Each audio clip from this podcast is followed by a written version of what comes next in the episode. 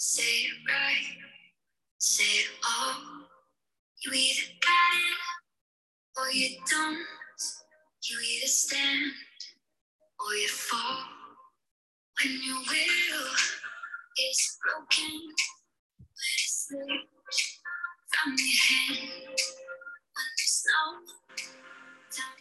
İlker'cim Say It Right diye bir şarkı buldum senin için. Ya. Ve sana acayip düzgün uyduğunu düşündüm çünkü Yanlış söylemeyin, doğru söyleyin falan diyoruz ya sürekli. hayır yani telaffuzun o kadar mükemmel ki sana daha uygun bir şarkı bulamadım Ya, gerçekten. Nasıl çok bu kadar güzel İngilizce konuşuyorsun diye direkt başlayayım ben. Yani Sonra aslında Kendini tanıtır mısın diyeceğim. tabii Çok, ki. e, e, so- sonra seninle ilgili gözlemlerimi ayrıca anlatacağım. Önce Tamam. ilk sorum nasıl bu kadar güzel İngilizce konuşuyorsun?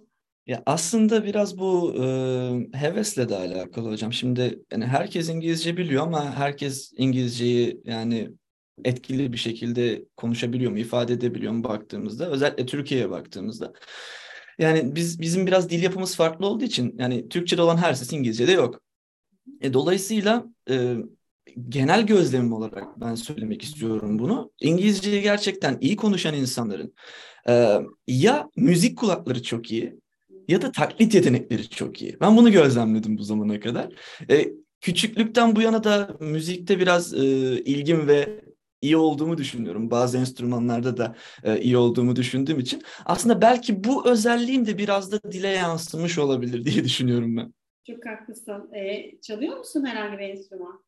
Yani üflemeli çalgılardan flüt çalabiliyorum. Yani çok iyi olmasam da üstüne düşsem çok iyi hale gelebileceğimi biliyorum. Ee, onun dışında klavye, org çalabiliyorum. Dersin.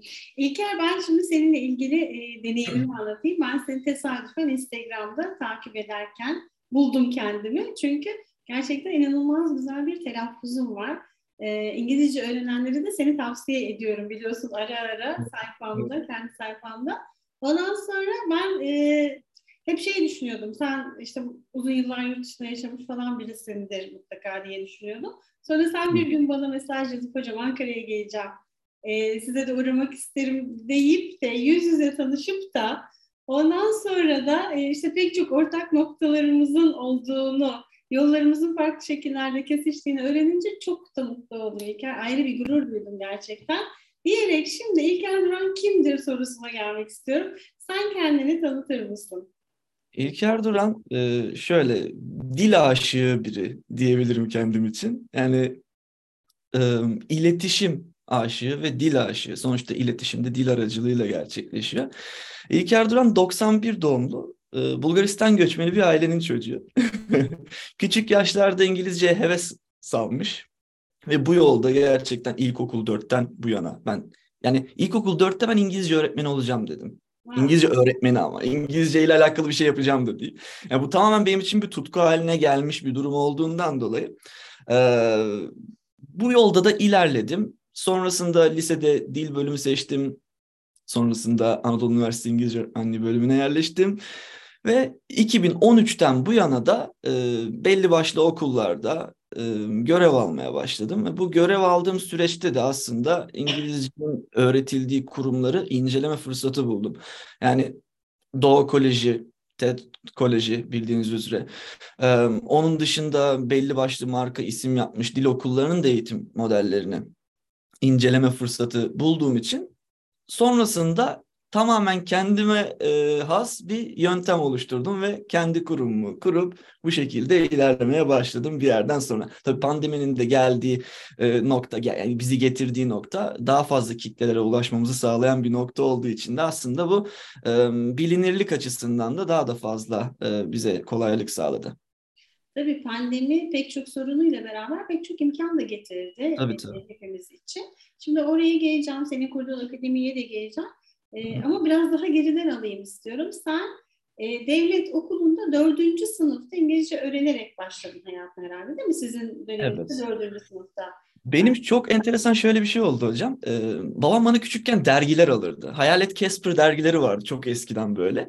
Onları alırdı bana ben küçükken. Sonrasında o bayide, o dergiyi aldığı bayide belki hatırlarsınız. BBC'nin Ozmo programı vardı çok önceden. Onun dergilerini gördüm ben orada. Sonra ondan istedim ve ondan aldım. Ondan sonra o Ozmo programının ATV'de yanlış hatırlamıyorsam bir programı başlamıştı. İngilizce e, programları. İşte kuklalarla e, şeye benziyordu bu. Susam Sokağı karakterlerine benziyordu biraz da çizimleri. Hoşuma gitti benim. Oradan bir ilgi geldi bana İngilizce ile alakalı. O dergileri anlamasam da böyle yazıları okumaya çalışıyordum. Sonra programı çıktığında aa baktım bu benim dergideki oynayan şeyler. Yani oradan bakmaya başladım. Konuştuklarını alttaki yazılardan takip etmeye başladım.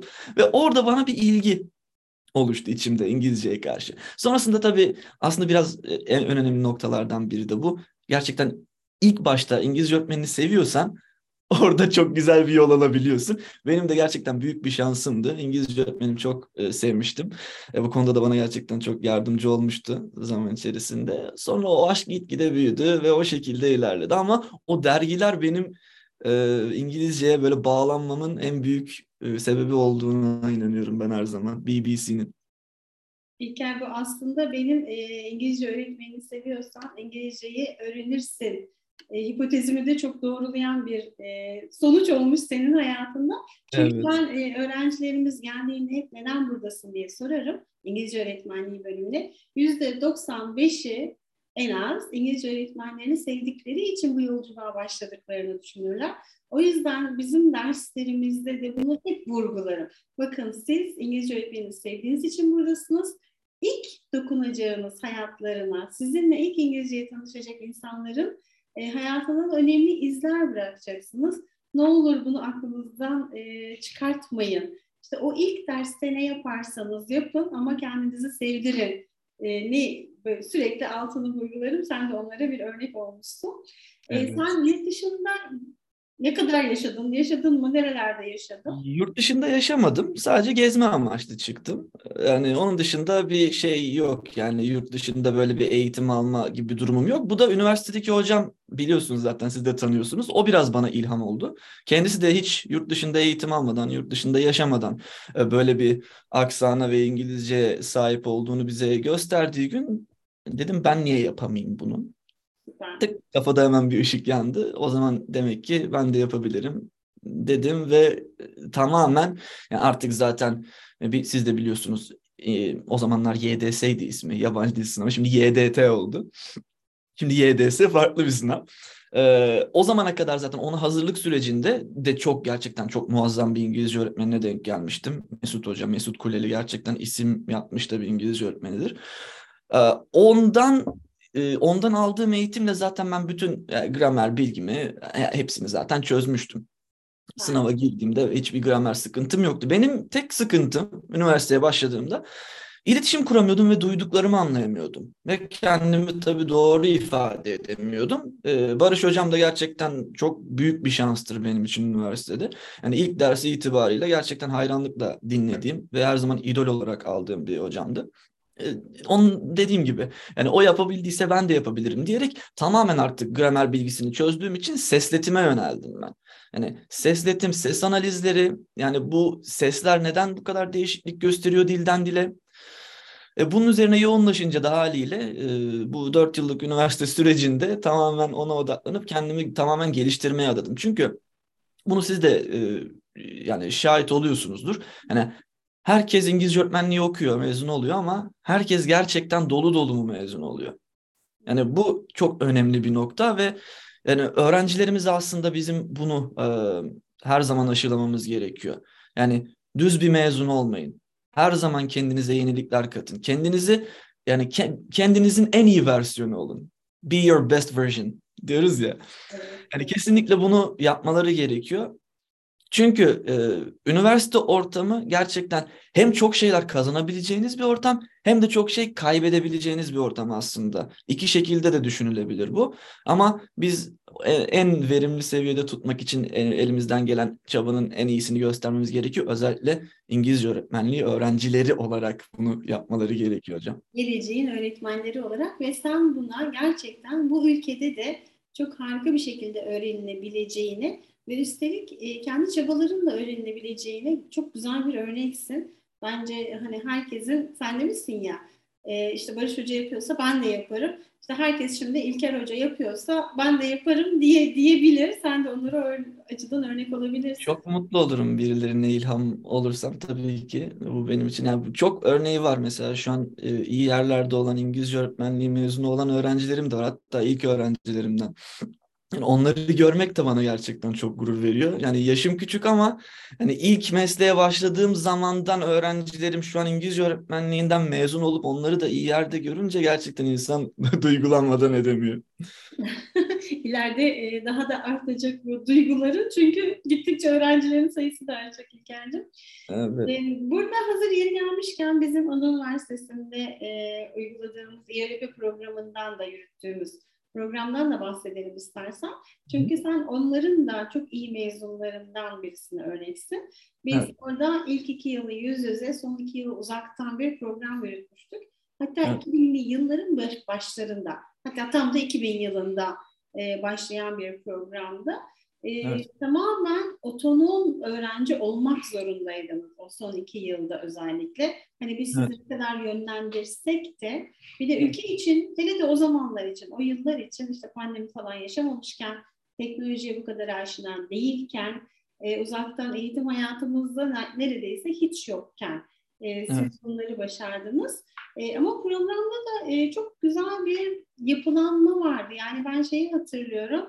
E, işte İknur Hoca'ya da selam söylemiş olalım buradan. İknur Evet. Beraber e, staj dersinin koordinasyonunu yapmıştık. 1500 kişiye Türkiye'nin her yerinde staja götürmüştük İlker. Yani muazzam bir organizasyondu gerçekten. O yüzden hani çok detaylı böyle e, yönlendirmeler hazırlamanız gerekiyordu ve onlar pek çok okulda da daha sonra yüz yüze eğitimde de ders malzemesi olarak kullanıldı. Güzel bir modeldi. Yani Evet. bir süreçten tabii ki tartışılabilir. Her zaman daha iyi versiyonu olabilir senin Evet. dediğin gibi ama güzel bir modeldi. Sen de oradan e, çok başarılı öğrenciler yetiştirdin. Sen de onlara da bir örneksin. O yüzden de ayrı bir gurur kaynağı oldu. E, Teşekkür ederim hocam. Çok sağ olun. Dediğin gibi hele de öğretmen e, olacakların e, artık bir kaçış yolu yok. E, mutlaka ve mutlaka kendilerini her açıdan geliştirmeleri gerekiyor. Yani artık Kesinlikle. sadece İngilizce öğrenmek yetmiyor. Peki sen e, şimdi o videolarında Evet. e, pek çok şeyden bahsediyorsun. Diyorsun ki mesela İngilizce öğrenmekle İngilizce konuşmak farklı bir şeydir diyorsun. Evet. E, ne, ne demek istiyorsun? Bunu biraz açıklar mısın? Tabii yani şimdi İngilizce öğrenmek farklı bir şey. Çünkü hani az önce de söylediğim şey aslında e, bunu açıklıyor. E, biz yabancı dil sınavına girene kadar belli bir e, gramer bilgimizi tamamen çözmüştük. Yani kağıt üzerinde her şeyi biliyorduk artık. Ama bunu konuşma konusunda uygulayamıyorduk. İşte aslında bunu da ben sebeplerini çok düşündüm ve şuna ulaştım zaman içerisinde. Bizler şimdi e, okuduğumuz metinleri ya da ne bileyim gramer kurallarıyla işte kurallı cümleleri vesaire okuduğumuzda anlıyoruz. Ama bunları okurken İngilizce'de bulunan ya da Amerikan İngilizcesinde, İngiliz İngilizcesinde bulunan seslere uygun bir şekilde okumuyoruz aslında. E, dolayısıyla biz bunları yanlış telaffuz ederek okuduğumuz için karşı taraftan da tıpkı sizin okuduğunuz şekilde bunları duyacağımızı hissediyoruz, düşünüyoruz ve karşı taraftan bunların daha doğru seslerle kullanıldığını duyduğumuzda konuşuldu, konuşulanı ya da duyduğumuzu anlayamıyoruz. Aslında en büyük sıkıntılardan biri bu. Yani ses bilgisi. Ses bilgisini de çözdükten sonra ya ben her zaman şöyle derim. Ee, Türkçesi oturmuş biri tamam gramer bilgisiyle İngilizceyi öğrenir. Ses ritim kısmı da bunun süsü olur. Yani pastayı yaparsın en sonunda da tamamen ses kurallarını öğretirsin. Bütün işte ses geçişleri, ulamaları var bunun ses işte Türkçe'de olduğu gibi benzeşmeleri, şuları buları. E, bunları da e, aslında tamamen öğrendiğinde bu da aslında o pastanın süsleri oluyor. Ve aslında e, benim bahsetmek istediğim şey de bu. Öğrenirsin tamam, dil kurallarını öğrenirsin, gramer yapılarını öğrenirsin. Ama iş konuşmaya gelince işte orada tamamen gerçekten ciddi bir ses eğitimine ihtiyaç duyuyor bizim özellikle Türk milletimiz. Çünkü e, mesela e, çalışmaya biz Türkler okurken work diye okuyor ama tabii o aslında bir ö sesi değil. Yani Türkçe'de olduğu gibi ö yok. Orada bir bildiğiniz üzere şiva ve yani R kontrollü bir şey var hatta. Work'tır aslında. Er sesi vardır. Yani ne ö, ne e, ne ı. İki, yani üçünün arası bir sestir orada. İşte o yüzden biz bunu yani tam olarak ses eğitimiyle e, hallettiğimizde hem kendimizi daha doğru bir şekilde ifade ederiz hem de duyduğumuzu daha net şekilde anlarız diye düşünüyorum. İşte konuşmayla yani öğren konuşmak arasındaki farkın tamamen bundan kaynaklandığına inanıyorum ben. İngilizce derslerinde de hep atlanılan konulardır onlar biliyor musun İlker? Pronunciation evet. bölümlerine gelince ona zaman kalmaz. ya da ya da başka şeye geçiyor. Gramere geçilir her zaman. Ee, o yüzden hani üzerinde en az durduğumuz noktalar evet, evet. aslında derslerde. Yine aslında şöyle hocam yani e, dil bilgisi çözüldükten sonra yani ben zaten eğitimlerimde bu şekilde yapıyorum. Yani belki onunla alakalı da sorarsınız e, sorunuz varsa ama e, ilk 4 ay benim tamamen dil mantığı öğretmek üzerine geçiyor. Yani 16 haftadan oluşuyor benim eğitimlerim. E, bunun sonucunda yani kimisi şey diyor tamam ben 16 hafta çözdüm.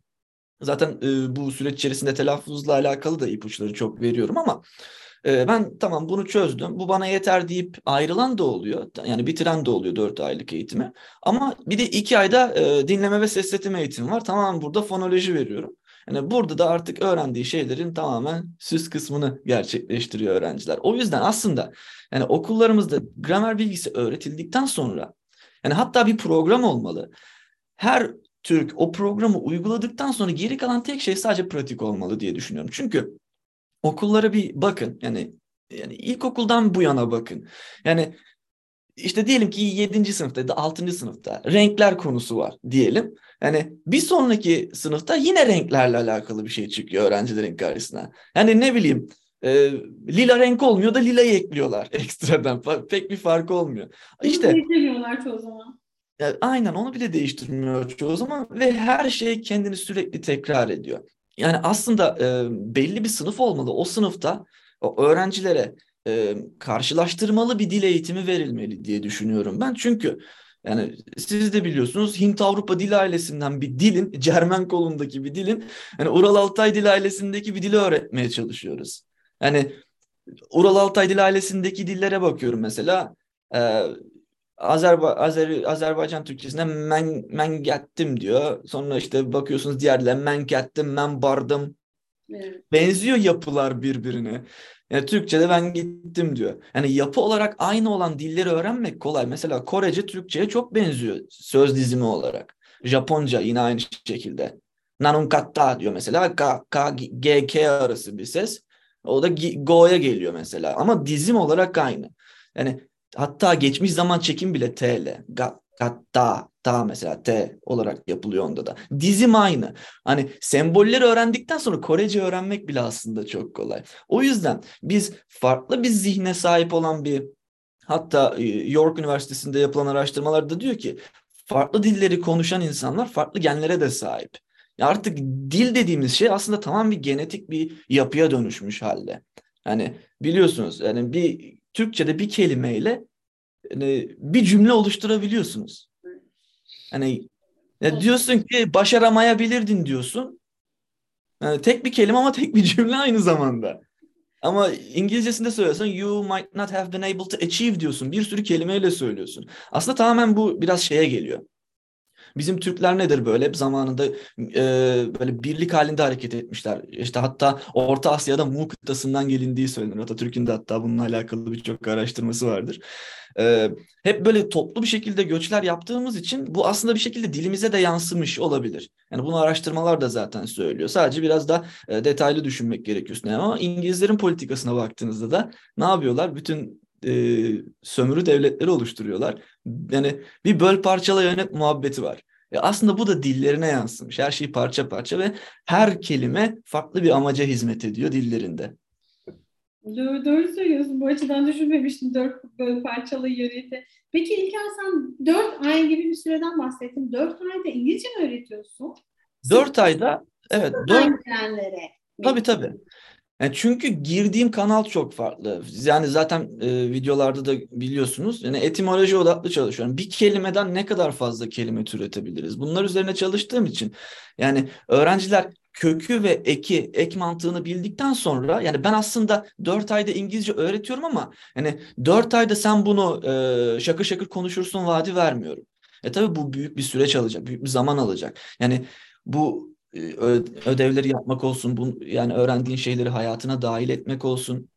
Yani bunları yaptığın sürece sen bu dili e, gerçekten ilerletebilirsin. Ama hani bir okulda, dil okulunda vesaire yani 2-3 yılda öğretilen hatta böyle yılan hikayesi gibi anlatılan böyle zor olarak adlandırılan birçok konunun aslında ben zeminini ilk iki günlük yayında e, derste canlı derste bunun zeminini oluşturuyorum. Ve zaten o konulara gelindiğinde aslında bu bu kadar da zor bir şey değilmiş şeklinde düşünmeye başlıyor öğrenciler. E, dolayısıyla aslında bir şeyler daha kolay ilerliyor ve kök ve ek odaklı ilerlediğim için. O yüzden aslında biraz daha kısa sürüyor. Eğitim 16 hafta gibi bir süreden e, başlıyor. Peki konuşmaya ne zaman başlıyorlar? Yani konuşmaya e, ödevleri yapıyorlar. Yani ödevler içerisinde mesela diyelim ki e, kelime dizil, dizilimi ödevleri var. Karmaşık kelimeler var. Onları belli bir sıraya koyuyor ve orada benim sesimden o cümleyi okuyor. E, ve bunları da e, olabildiğince tekrar tekrar sistem karşısına çıkarıyor ki unutmasın diye. Yani mesela diyelim ki doğru yaptı ya da yanlış yaptı bir kelimeyi ya da bir cümleyi yanlış oluşturdu. Öğrenci ilerliyor ilerliyor aynısını sana tekrar karşına çıkarıyor. E, zaten öğrenip öğrenmediğini sistem zaten burada ölçüyor öğrencinin. Onu zaten e, yaptıkça hatırlıyorsa tekrar onu cümleyi oluşturuyor ve seslendiriyor kendisi. E, bunu zaten hayatına dahil edebiliyorsa yani ödevlerde hatta kelime listeleri de veriyorum ben öğrencilere.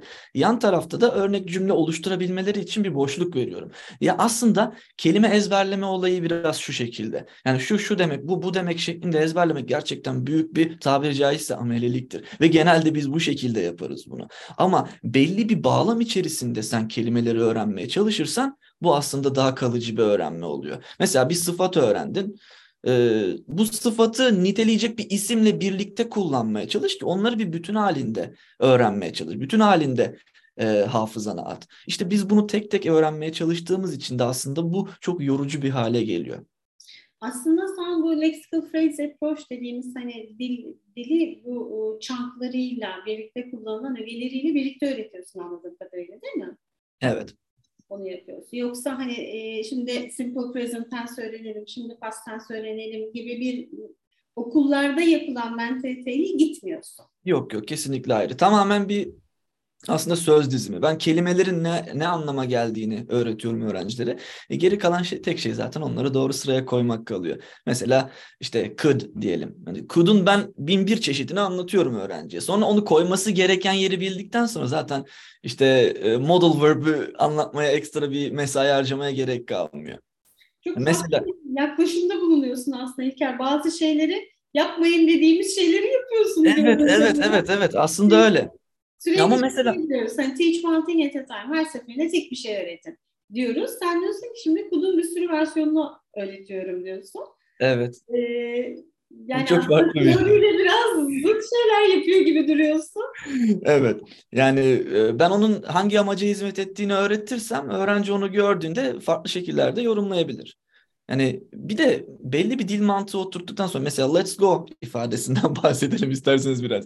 Yani mesela Let's'i genelde haydi olarak bilir herkes. Yani let's'i haydi olarak düşünürler. Ama e, let's go yapısındaki o let's oradaki s aslında asın kısaltmasıdır. Zaten İngilizce'de kesme işaretiyle bir kesilmiş bir yer görüyorsunuz. Orada bir ses düşmesi vardır. Let us go gitmemize izin ver. Yani gitmemize izin ver de gidelim. Gitmemize izin ver gidek. Onu da zaten Türkçedeki aslında tam tekabül ettiği nokta lım lim ekidir.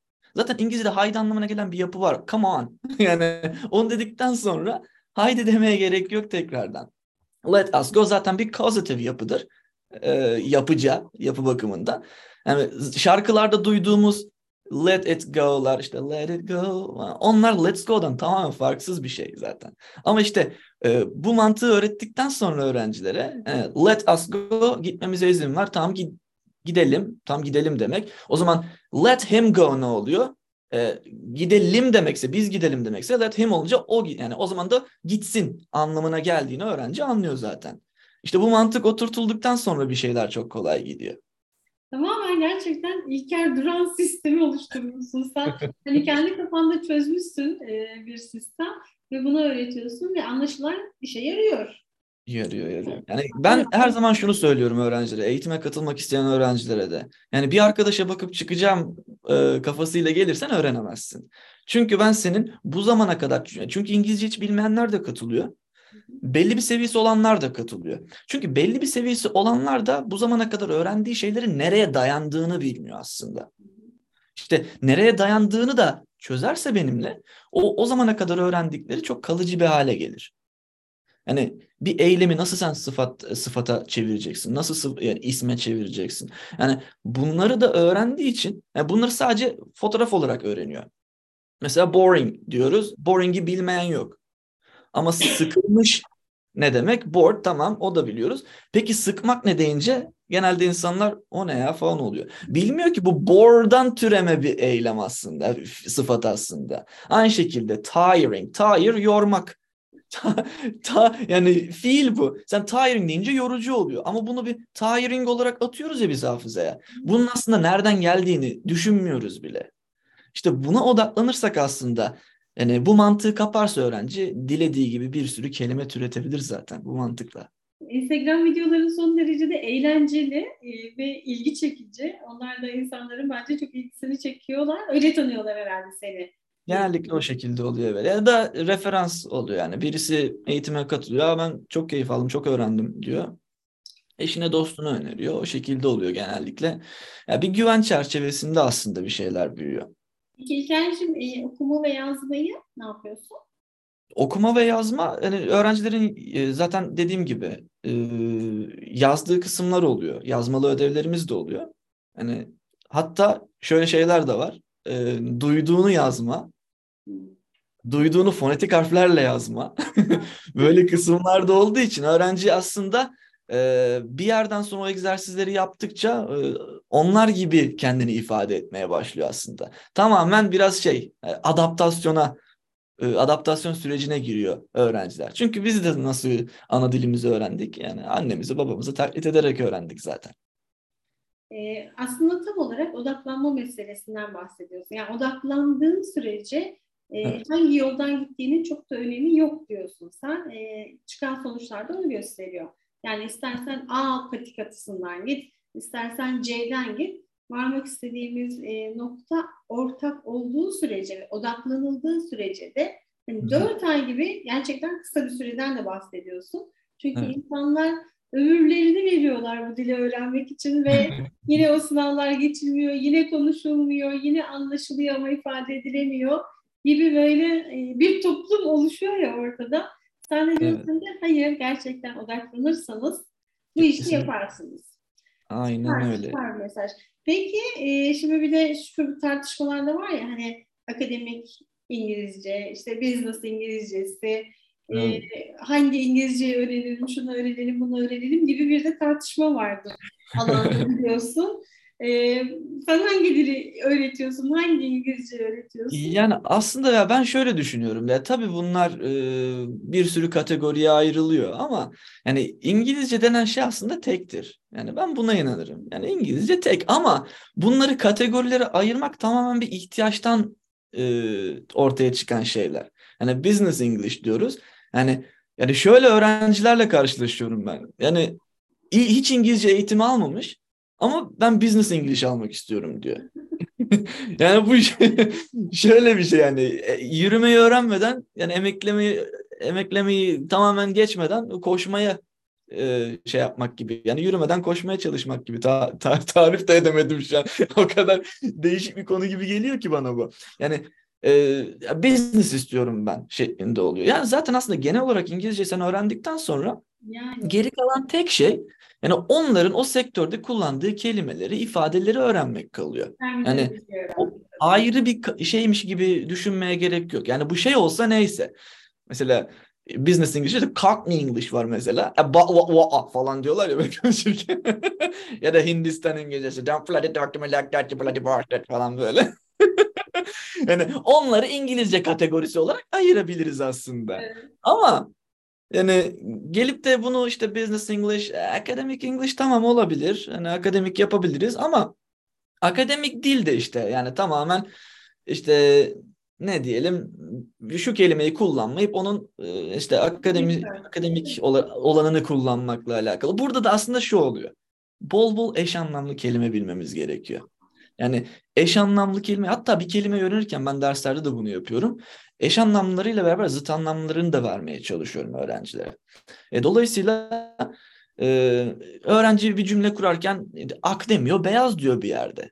Yani aynısını farklı şekillerde ifade etmeye çalışıyor. İşte akademik İngilizce de biraz bununla alakalı olduğunu düşünüyorum. Bol bol eş anlamlı kelime öğrenirsek akademik dilde hangileri tercih ediliyor? E, dolayısıyla bunları da zaten akademik dilde söylemiş olur öğrenciler diye düşünüyorum. Hikayeciğim o konuda ben de seninle aynı düşünüyorum. Yani dil aynı dil, ortak dil, temeli aynı. Sen bunu kullandığın yere ve kullandığın amaca bağlı olarak içine terminoloji giriyor sadece.